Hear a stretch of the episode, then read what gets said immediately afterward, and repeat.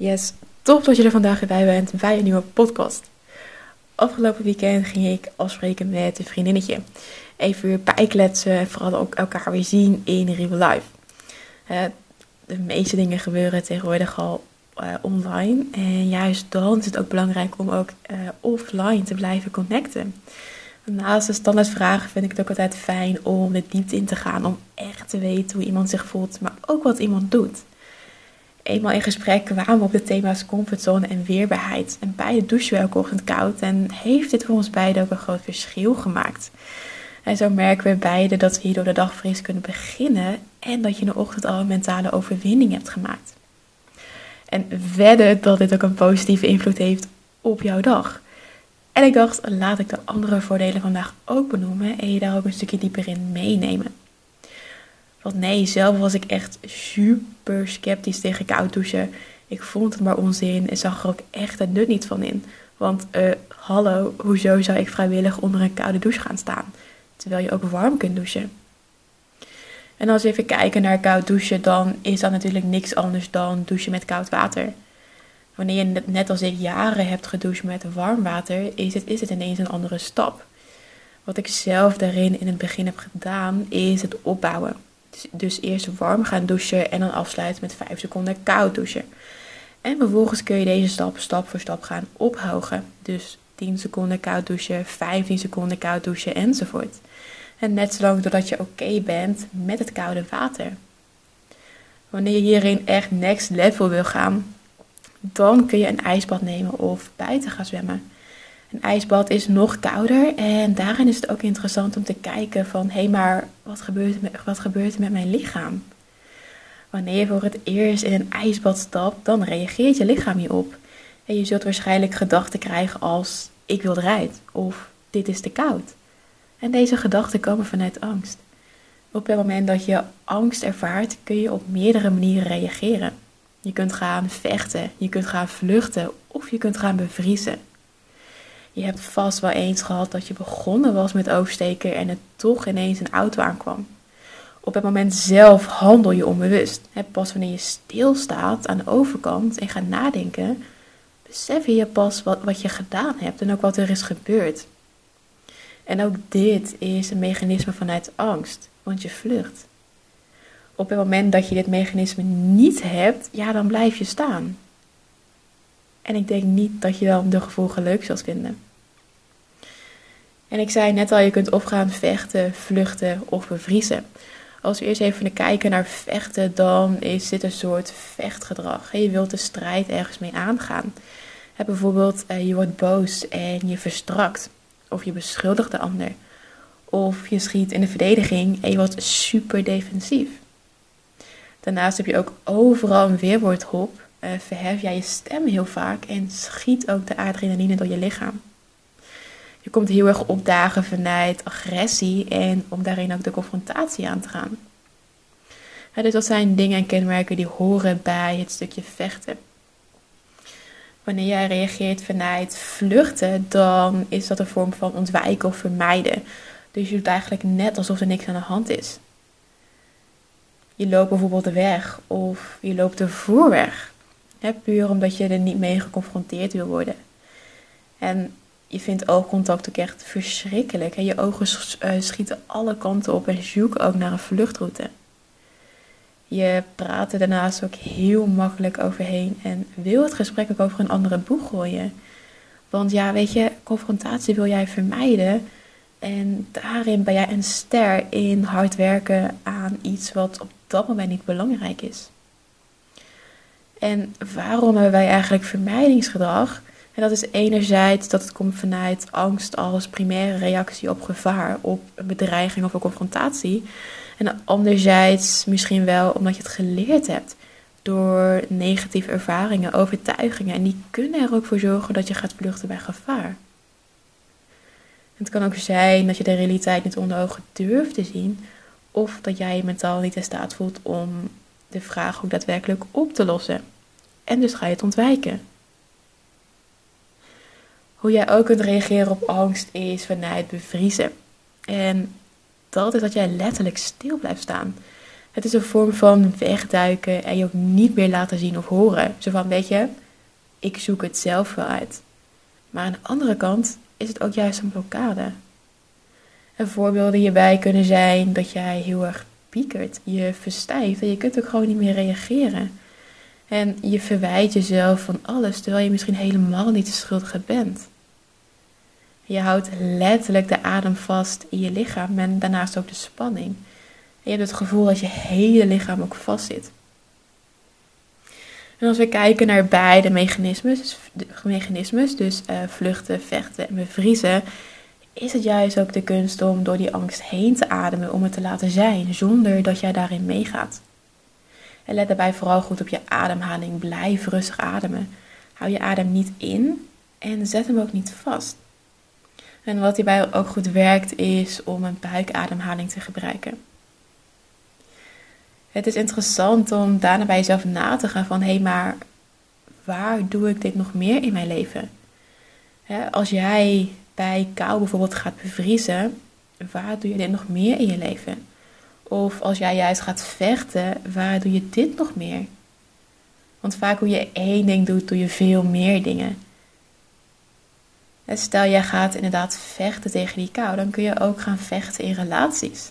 En je gaat dan weerwoord geven wanneer je in een discussie of meningsverschil zit. En zo kun je achter heel veel patronen komen die in jou zitten.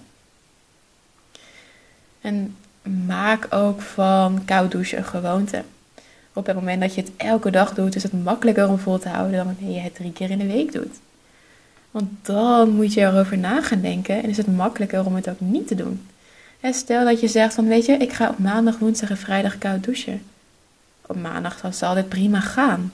Op woensdag zul je merken dat je al meer in gesprek gaat met jezelf. Met, oh, ik kan het ook wel verplaatsen naar donderdag. Nou, weet je, vandaag is echt geen goede dag om koud te gaan douchen. Het is veel te koud buiten, enzovoort. En wat je merkt is dat je gaat uitstellen. En dit komt doordat er ruimte is om dit ook daadwerkelijk te gaan doen.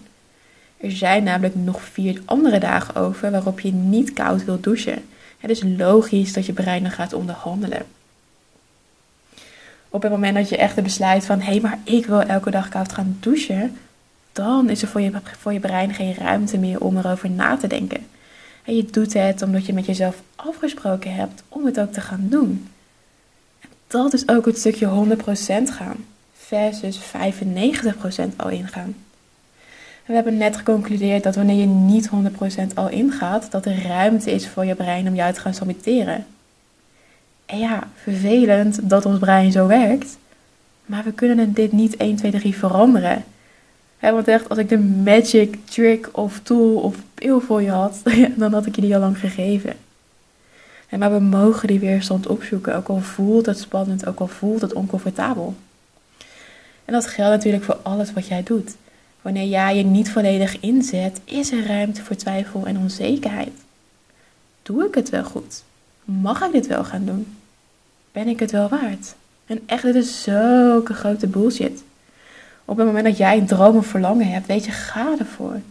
Ik vind dat je het aan jezelf verplicht bent om alles uit je leven te halen wat erin zit. En nee, niet op een gehaaste manier en alles op de automatische piloot gaan doen. Maar wel vanuit liefde, rust en vertrouwen. Dat jij kunt doen wat het meest belangrijk voor je is. Waar jij ook de meeste energie uithaalt. Waar jij de rust ook van krijgt die belangrijk voor je is.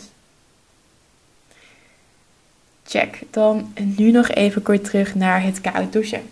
De hype van koud douchen is al lange tijd aan de gang en er worden ook ontzettend veel claims en voordelen benoemd. Maar zijn deze ook daadwerkelijk waar? Vanuit mijn wetenschappelijke achtergrond vind ik het belangrijk dat er onderscheid gemaakt wordt tussen zin en onzin. Ik ben hier niet om je maar wat aan te praten en wat wijs te maken. Nee, ik ben hier om jou echt van waarde te zijn en dat jij vervolgens ook vanuit liefde, rust en vertrouwen de keuzes kunt maken die voor jou op dit moment belangrijk zijn. dus als we even kijken naar de voordelen, wat zijn die eigenlijk? Op het moment dat jij koud gaat douchen, dan zul je ook sneller afkoelen na het sporten.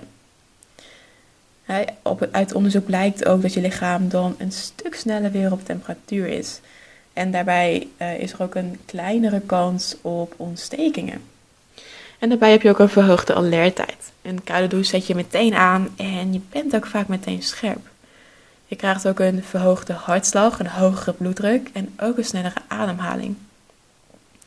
En want op het moment dat jij onder een koude douche gaat staan, dan spannen jouw spieren zich aan. En dat zorgt voor vaatvernauwing. En hierdoor wordt je bloeddruk en je hydrostatische druk hoger, waardoor je hart sneller pompt en er ook meer bloed richting je spieren gaat. En zo brengt het bloed verschillende stoffen naar de juiste plaats in het lichaam. Dus denk aan zuurstof, mineralen, glucose, vitamines, maar ook vetzuren. En tegelijkertijd worden er afvalstoffen afgevoerd. En daarnaast is de bloedsomloop ook belangrijk voor je vochtijshouding, je groei en het lichamelijke afweersysteem. En dat allemaal kun jij dus activeren door onder een koude douche te gaan staan. Uit onderzoek is ook gebleken dat jij een betere humeur krijgt op het moment dat jij een koude douche neemt. Onderzoekers die kwamen erachter dat blootstelling aan koud water de beschikbaarheid van neurotransmitters als endorfine, maar ook noradrenaline verhoogt. En mensen zouden daarbij ook minder snel depressieve klachten ontwikkelen en dus ook minder vaak zagrijnig zijn. Een ander voordeel is ook dat jij een sterker immuunsysteem krijgt. Je wordt minder vaak ziek en je wordt ook mentaal weerbaarder. Het zorgt voor een betere huid, gezonde haar. En de beste natuurlijke manier om je haar en huid gezond te houden is dus ook om koud te douchen. warm water kan je huid laten uitdrogen. Wanneer je juist in aanraking komt met koud water, dan trekken je spieren en bloedvaten zich samen en dat zorgt ook weer voor voordelen. En natuurlijk ook discipline, want hey, dacht jij dat het makkelijk is om elke dag koud te gaan douchen? Ga er maar eens onder staan. Het is niet altijd makkelijk en zeker niet in de, week, in, in, in de winter. Als jij daarmee start, dan zul je weerstand gaan ervaren, maar hoe vaker je doet, hoe makkelijker het wordt. En gelijk aan het begin van de dag iets doen waar je elke dag weer tegenop ziet, vergt veel mentale kracht. Je hebt dus ook wat discipline nodig om dit een vast onderdeel te maken van je ochtendroutine. En dit is dus ook iets wat je iedere, iedere dag traint als je onder een koude douche stapt. En deze mentale kracht kun je gebruiken ook in allerlei andere vlakken van je leven. En juist die vlakken waar je ook wilskracht en discipline voor nodig hebt. En daarnaast verlicht het ook jouw stress. Onder de koude douche springen zonder eerst rustig af te bouwen verlaagt je stressniveau en kan ook helpen bij het voorkomen van bepaalde ziektes dus naast dat het uh, gezond kan zijn, dat je er meer discipline voor door kan krijgen, helpt het ook om jouw stressniveau omlaag te krijgen. En ik hoor je denken van, hé, hey, maar zijn er ook nadelen van koud douchen? Nou ja, weet je, het kan oncomfortabel zijn om de warme kraan uit te draaien en de ijskoude stralen op je lichaam te voelen. En met warm weer valt het nog wel mee, maar in de winter kan dit een obstakel vormen. Ik denk niet dat het een nadeel is, maar ook onderdeel van het proces en de manier waarop jij jezelf wil gaan trainen.